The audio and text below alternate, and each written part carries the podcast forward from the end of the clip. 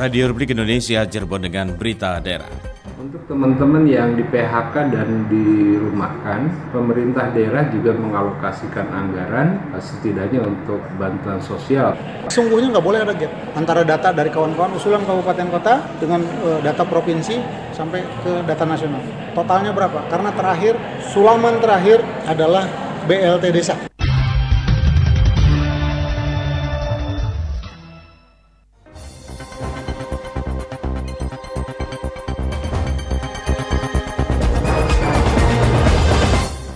Sebelum kami antarkan keseluruhan rangkaian berita daerah, kami antarkan terlebih dulu sehari berita di antaranya.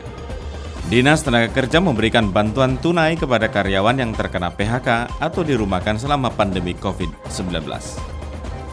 DPRD Provinsi Jawa Barat mendorong gubernur agar membuat rumusan untuk menanggulangi penerima bantuan sosial dampak COVID-19 yang belum tercover.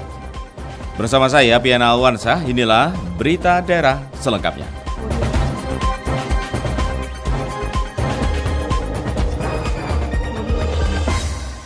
Kami mulai informasi pertama, Dinas Tenaga Kerja memberikan bantuan tunai kepada karyawan yang terkena PHK atau dirumahkan selama pandemi COVID-19. Laporan selengkapnya disampaikan Aji Satria. Pemerintah Kota Cirebon melalui Dinas Tenaga Kerja memberikan bantuan tunai kepada karyawan atau pekerja yang terkena pemutusan hubungan kerja PHK atau dirumahkan selama pandemi COVID-19.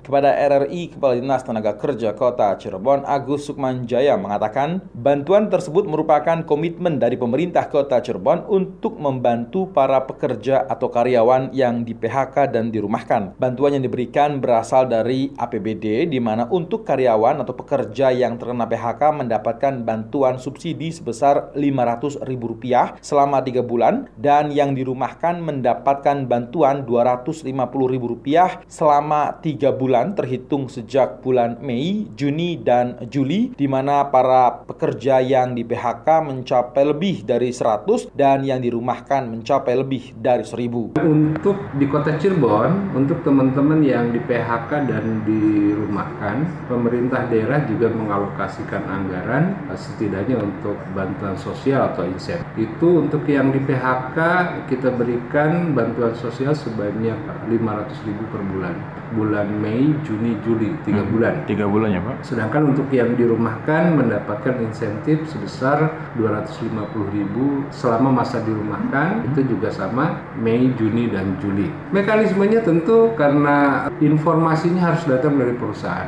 Ya, jadi perusahaan perusahaan melaporkan kepada kami di Snaker, nah, nanti perusahaan menyampaikan uh, data kebijakan perusahaan ya, apakah yang di PHK maupun yang dirumahkan. Mhm. -huh. Nah nanti uh, dari perusahaan mengirimkan salah satu operatornya sebagai mhm. -huh. license officer mhm. -huh. yang nanti akan diberikan akses untuk masuk ke sistem yang kita bangun di sana sudah ada form-form yang harus di, diisi baik hmm. oleh perusahaan maupun oleh pekerja. Kemudian nanti di kami ada tim verifikasi yang akan memverifikasi legalitas perusahaan, identitas pekerja dan lain sebagainya.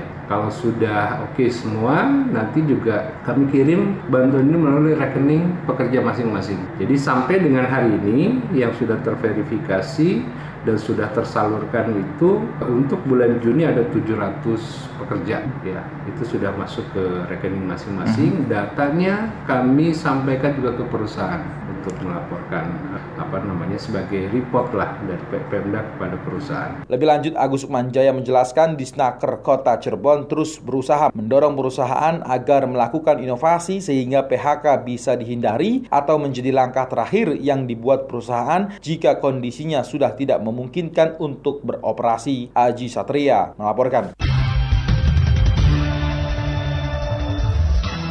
Berikut komentar masyarakat mengenai upaya menekan angka pengangguran di tengah pandemi COVID-19 yang berhasil dihimpun RRI. Selaku masyarakat tentunya prihatin ya dengan kondisi saat ini di mana maraknya para pengusaha atau perusahaan merumahkan karyawannya bahkan memphk karyawannya. Namun saja masih banyak yang belum jelas terkait dengan status PHK dari para karyawan, di mana para perusahaan tidak mau mengeluarkan pesangon bagi mereka yang berstatus karyawan. Ini dibutuhkan peran besar dari pemerintah sendiri, di mana ketegasan pemerintah harus berani tegas agar menekan kepada para perusahaan supaya mengikuti aturan yang ada. Sebagaimana kita ketahui bahwasanya negara ini mempunyai undang-undang tentang tenaga kerjaan, di mana mereka yang berstatus karyawan ketika di PHK itu mendapatkan hak-haknya termasuk gaji ataupun pesangon. Nah, saat ini banyak keluhan-keluhan dari masyarakat yang mereka di PHK namun hak-haknya tidak dipenuhi oleh perusahaan. Ya kalau menurut saya tanpa harus dijelaskan juga tentang pandemi virus corona yang sudah menghancurkan sendi-sendi ekonomi baik di level global maupun nasional tidak terkecuali di daerah seperti halnya Cirebon juga ini memang sangat berdampak sekali. Dan memang harapan kami sebagai warga masyarakat agar permasalahan pengangguran ini tidak menjadi tanggungan pemerintah saja tapi juga pihak-pihak yang lain juga memang harus bergotong royong dengan caranya adalah membuka lapangan pekerjaan sebanyak sebanyak-banyaknya meningkatkan peredaran modal usaha yang memang dibutuhkan oleh para UKM kemudian juga menempatkan pencari kerja ke tempat yang sesuai dengan kemampuan kemudian juga bisa melatih para pencari kerja untuk memiliki jiwa entrepreneur dan membuka usahanya sendiri.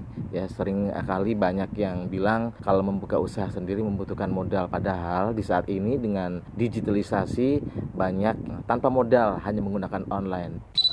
Di situasi pandemi virus corona 19 saat ini memang dampaknya baik secara ekonomi maupun secara sosial sangat luar biasa sehingga ini perlu dipahami juga oleh saudara-saudara kita khususnya saudara-saudara kita yang kena PHK namun ini juga sangat rentan sekali dengan apa namanya anjloknya perekonomian kita saat ini sehingga perlu ditekankan tentang kebijakan-kebijakan pemerintah yang benar-benar tepat sasaran. Dan saat ini yang terjadi sangat memprihatinkan sekali. Ya mungkin pemerintah menggunakan data di 2014 di mana data tersebut merubah tingkatan sosial masing-masing orang itu. Sangat ada perubahan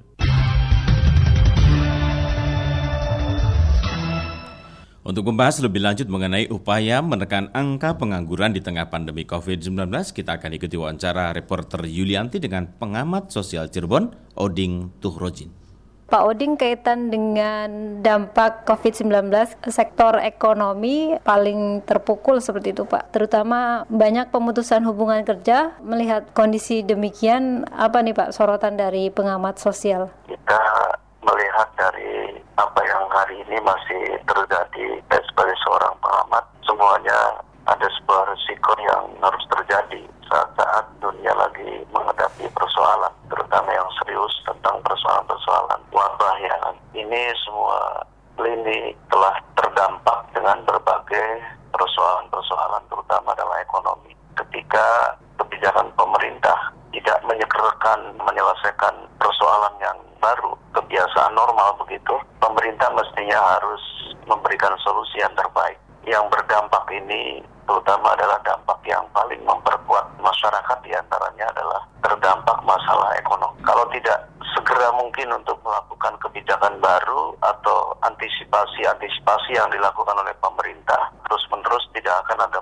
pergeseran perubahan. Jadi menurut saya segera melakukan tindakan yang terbaik bagi pemerintah untuk memberikan solusi kepada para pegawai, para karyawan yang tadinya merasa nyaman, kerja sesuai dengan penghasilan yang jelas, saat ini hampir semuanya di semua lini berdampak, maka pemerintah mestinya memberikan solusi yang terbaik. Dampak dari PHK ini kan tentu banyaknya angka pengangguran yang terjadi di daerah secara luas seperti itu. Upaya menekan angka pengangguran sendiri untuk di wilayah Cirebon, Pak, di tengah pandemi COVID-19 seperti apa sih, Pak, formulanya? Formulanya saya kira udah jelas tetap ini acuannya bagaimana pemerintah melakukan terobosan-terobosan untuk mencegah kemungkinan lebih besar daripada dampak yang nganggur ini. Program-program pemerintah saat ini menurut saya masih melakukan lockdown dan tidak seperti normal yang pada saat-saat sebelum terjadi corona, maka pencegahannya di antaranya adalah pemerintah melakukan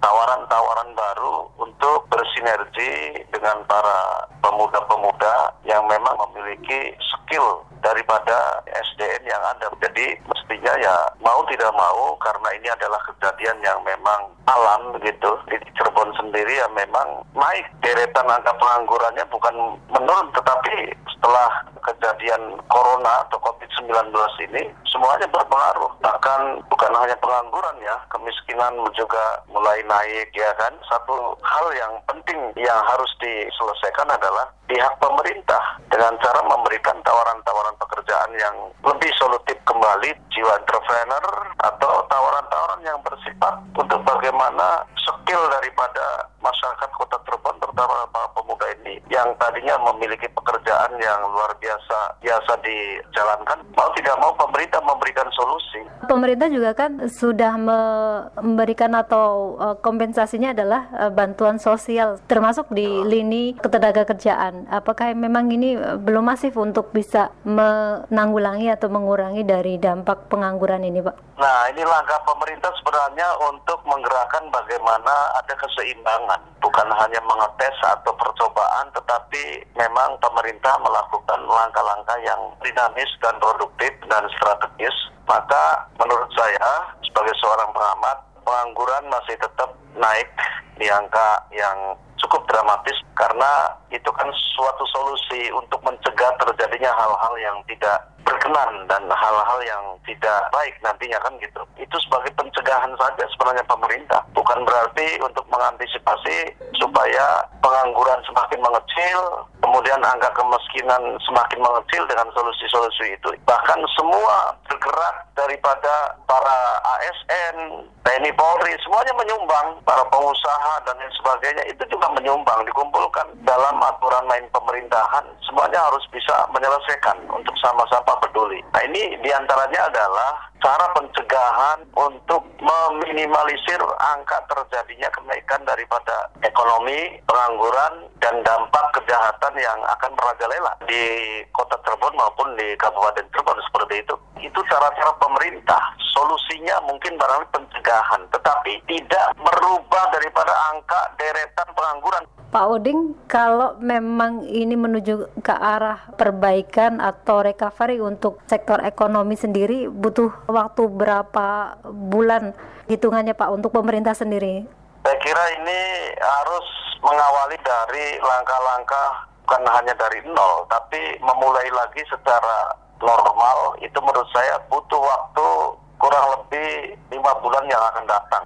Saya kira setengah tahun ini ya untuk normalisasi kembali. Pengennya sih cepat lah. Juli ini sudah ada keputusan dari pemerintah supaya normalisasi baik di sektor tenaga kerjaan, kalau sektor kesehatan saat ini masih terus menerus untuk melakukan pencegahan-pencegahan ya kan. Sektor pendidikan juga ini berpengaruh karena hampir semuanya masih lockdown ya kan belum belum efektif. Begitu juga dari perguruan tinggi, dari tingkat SMA, dari tingkat SMP dan sampai SD ini masih belum normal dalam kerangka untuk menghitung suasana daripada terjadinya corona ini di Kabupaten Cirebon maupun di Kota Cirebon. Masih tetap melihat gerakan-gerakan yang terjadi di seluruh wilayah Indonesia terutama adalah di kota-kota besar begitu. Dan masih menunggu detik-detik akhir pengumuman daripada pemerintah untuk melakukan kebiasaan baru untuk Pak, mungkin harapan untuk ke depan kaitan dengan upaya menekan angka pengangguran ini, Pak? Saya kira saya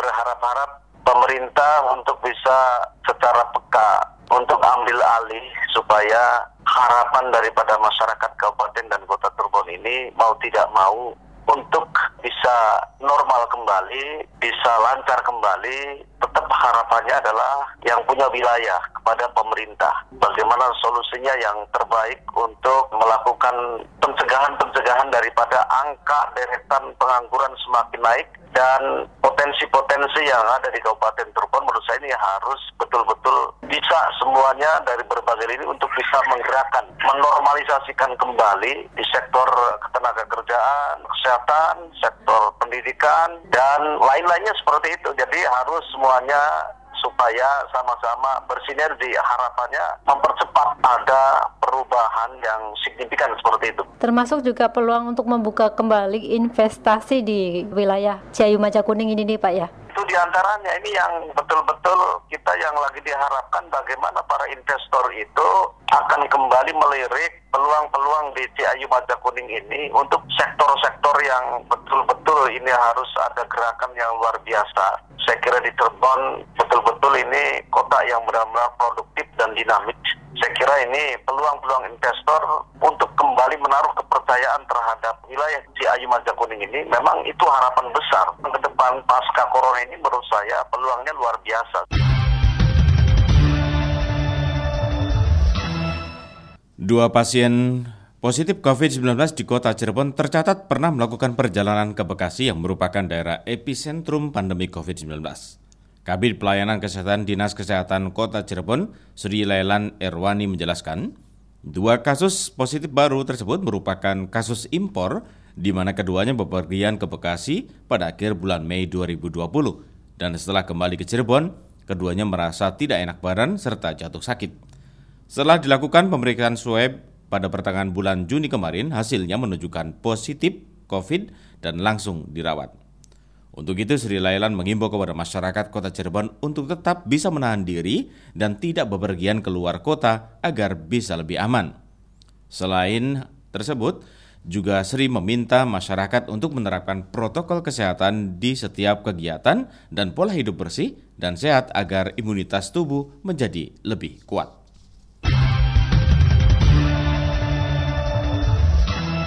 Pemda Kota Cirebon berjanji akan menambah anggaran posyandu. Selengkapnya disampaikan Lengga Ferdiansyah. Pemerintah daerah Kota Cirebon berjanji akan menambah anggaran untuk pos pelayanan terpadu posyandu terutama masalah pemberian makanan tambahan PMT untuk menekan angka gizi kurang dan gizi buruk. Hal itu dikatakan Wakil Wali Kota Cirebon Dr. Anda Hajah Eti Herawati saat mengunjungi posyandu Kelapa Muda RW 7 Kayuwalang, Kelurahan Karya Mulia, Kecamatan Kesambi, Kota Cirebon kemarin. Eti Herawati menuturkan setelah melihat langsung kondisi di lapangan, akan mengevaluasi anggaran untuk posyandu agar PMT bisa maksimal. Eti menuturkan kunjungannya kali ini dirinya bersama R. Endah Arisana Sakanti Komisi 1 DPRD Kota Cirebon dengan harapan kondisi di lapangan bisa dilihat langsung oleh legislatif dan dievaluasi. Jadi ini sudah tinggal kita mungkin lebih banyak lagi mensosialisasikan ke bawah. Kalau dari protapnya sudah berjalan dan sistem yang sudah dibangun di setiap posyandu ada namanya sistem kencelengan. Ini juga sangat membantu karena memang anggaran dari pemerintah kota ya ini yang selalu harus dievaluasi karena sangat kurang ya Bu ya kurang kelihatannya harus ada tambahan stimulan untuk penambahan ya PMT. Pada saat yang sama Endah mengungkapkan hasil peninjauan ini akan menjadi catatan untuk DPRD Kota Cirebon dalam pengalokasian anggaran untuk posyandu. Endah melihat PMT masih dibantu swadaya masyarakat sehingga perlu ada penambahan anggaran. Sementara itu Ketua Posyandu Kelapa Muda RW 7 Kayuwalang Kemah Rosbaya menambahkan selama masa pandemi ini antusias masyarakat tentang pemeriksaan balita cukup tinggi dengan tetap menerapkan protokol pencegahan COVID-19. Adapun selama masa pembatasan sosial berskala besar (PSBB) beberapa bulan terakhir, kegiatan posyandu diganti dengan sweeping oleh petugas ke rumah warga. Lengga Ferdiansyah melaporkan. DPRD Provinsi Jawa Barat mendorong gubernur agar membuat rumusan untuk menanggulangi penerima bantuan sosial dampak COVID-19 yang belum tercover. Informasi selengkapnya dilaporkan Cece Rukmana. Anggota Komisi 4 DPRD Provinsi Jawa Barat, Dadi Rohanadi prihatin adanya gap atau jarak dalam data penerima bantuan sosial dampak COVID-19 dari Provinsi Jawa Barat untuk keluarga rumah tangga sasaran KRTS non-data terpadu kesejahteraan sosial DTKS di Kabupaten Cirebon. Ungkapan itu disampaikannya ketika meninjau pendistribusian bansos Provinsi Jawa Barat di kantor pos Cirebon. Menurut Dadi, pada awalnya Kabupaten Cirebon mendapatkan alokasi bansos 143.000 KRTS non-DTKS tetapi dalam prosesnya diredukasi atau dikurangi hingga 73.000 sehingga terdapat selisih 70.000 KRTS non DTKS yang tidak tercover. Ada gap 70.000 data KRTS non DTKS. Nah ini yang uh, butuh uh, kita uh, coba masukkan secepatnya. 70.000 menurut saya terlalu jauh. Sesungguhnya nggak boleh ada gap antara data dari kawan-kawan usulan kabupaten kota dengan data provinsi sampai ke data nasional. Totalnya berapa? Karena terakhir sulaman terakhir adalah BLT desa. Ditambahkan Dadi Rohanadi, bantuan langsung tunai BLT yang bersumber dari dana desa berdasarkan Permenke senilai Rp600.000 per KRTS non-DTKS. Pemerintah daerah, kabupaten, dan kota di Provinsi Jawa Barat banyak yang mengusulkan kepada DPRD agar diterbitkan peraturan gubernur. Sebelumnya masyarakat mengenal beras mikin atau raskin menjadi pembagian beras merata, sedangkan untuk menanggulangi jumlah penerima yang belum tercover BLT desa cukup banyak, maka dibutuhkan konsep yang tepat. Cacar Mana melaporkan. Pembahasan rancangan Undang-Undang Haluan Ideologi Pancasila atau RUU HIP sampai saat ini masih menjadi polemik. Desakan dari banyak pihak terus bergulir agar pemerintah dan DPR RI menghentikan pembahasan RUU HIP. Sejumlah pihak mengkritik substansi yang tercantum dalam draft RUU tersebut. Tokoh masyarakat yang terdiri dari pemuka lintas agama, tokoh pemuda, akademisi, dan organisasi masyarakat di Cirebon menolak RUU HIP. Penolakan itu tertuang dalam Piagam Cirebon. Dalam Piagam Cirebon disebutkan Pancasila mutlak sebagai ideologi dasar negara NKRI dan tidak bisa digantikan dengan ideologi apa pun. Menurut Ketua Legiun Veteran Republik Indonesia Kota Cirebon, Dedi Supardi, Pancasila merupakan salah satu atribut yang sudah disiapkan para pendiri bangsa dalam menjalani roda pemerintahan Republik Indonesia. Dedi menegaskan Pancasila, Undang-Undang Dasar 1945 dan Bhinneka Tunggal Ika tidak bisa diutak-atik sebagai bentuk penghormatan kepada para pendiri bangsa. Ketua Forum Komunikasi Putra-Putri Purnawirawan TNI atau FKPPI Cirebon, Dani Jailani, juga menyatakan hal yang sama. Kesepakatan melalui Piagam Cirebon merupakan upaya membangkitkan kembali nilai-nilai Pancasila. Untuk itu, masyarakat wajib mengamalkan nilai-nilai yang ada dalam Pancasila.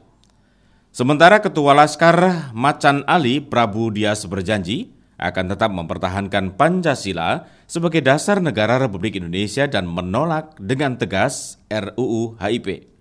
Pihaknya akan mengirimkan piagam Cirebon kepada DPR MPR, Presiden, Kementerian Dalam Negeri dan Kementerian Pertahanan, serta MUI Pusat sebagai bentuk penolakan terhadap RUU HIP.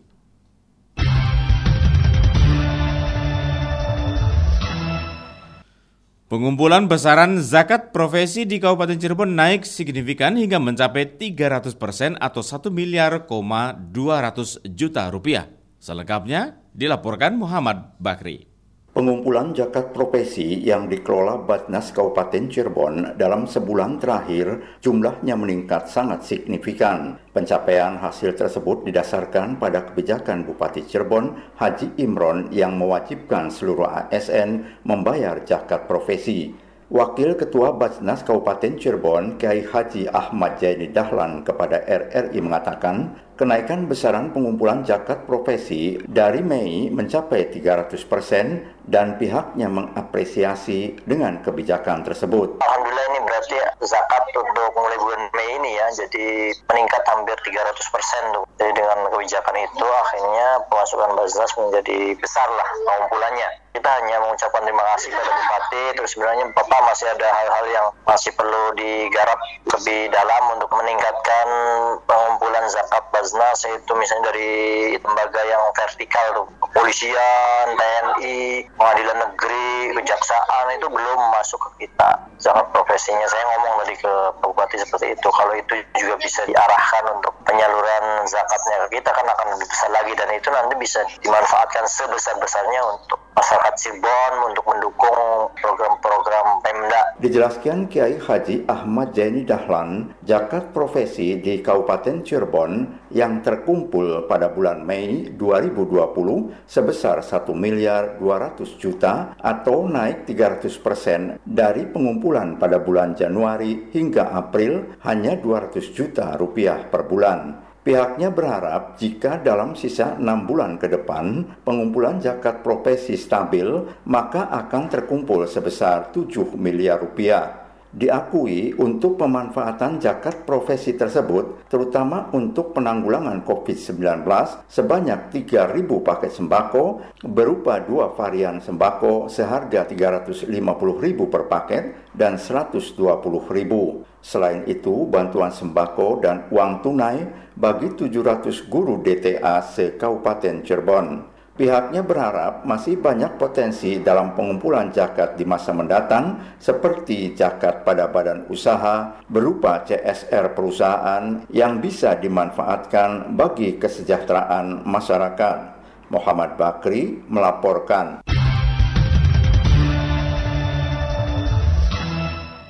Sebanyak 46 ribu kakak yang tidak tercover bantuan pusat dan provinsi mulai menerima bantuan sosial dari pemerintah Kabupaten Cirebon. Informasi selengkapnya disampaikan Nela Fitriana.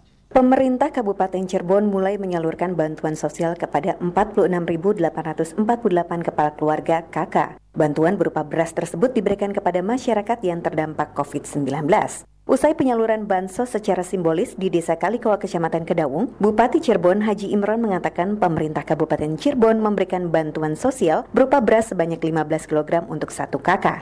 46.848 kakak, 15 kilo beras premium, tiga kali. Jadi tiap bulan 15 kilo, 15 kilo, 15 kilo. Kami bagikan ke desa kami drop, kami dengan bulog, bulog dengan pos ini di, di drop di desa. Desa datanya lengkap, nanti desa yang ngambil dicatat, nanti yang tidak bisa ngambil nanti diantar. Kita sisa daripada yang dari pusat provinsi baru kita nanti dengan desa. Jadi semua tercover. Bupati Imron berharap bantuan tersebut dapat meringankan beban masyarakat yang belum menerima bantuan dari pemerintah pusat maupun provinsi. Pihaknya juga mengajak masyarakat untuk saling membantu dan bersama-sama memutus rantai penyebaran COVID-19. Sementara itu, Kepala Dinas Sosial Dadang Suhendra menambahkan, setiap harinya penyaluran bantuan sosial dilakukan di tujuh kecamatan dan ditargetkan pendistribusian dapat selesai pada tanggal 26 Juni 2020. Nila Fitriana melaporkan. Laporan dari Nela Fitriana tadi mengakhiri rangkaian berita daerah pagi. Selamat pagi. Demikian rangkaian berita aktual pagi ini dalam Buletin Berita Daerah Radio Republik Indonesia Cirebon.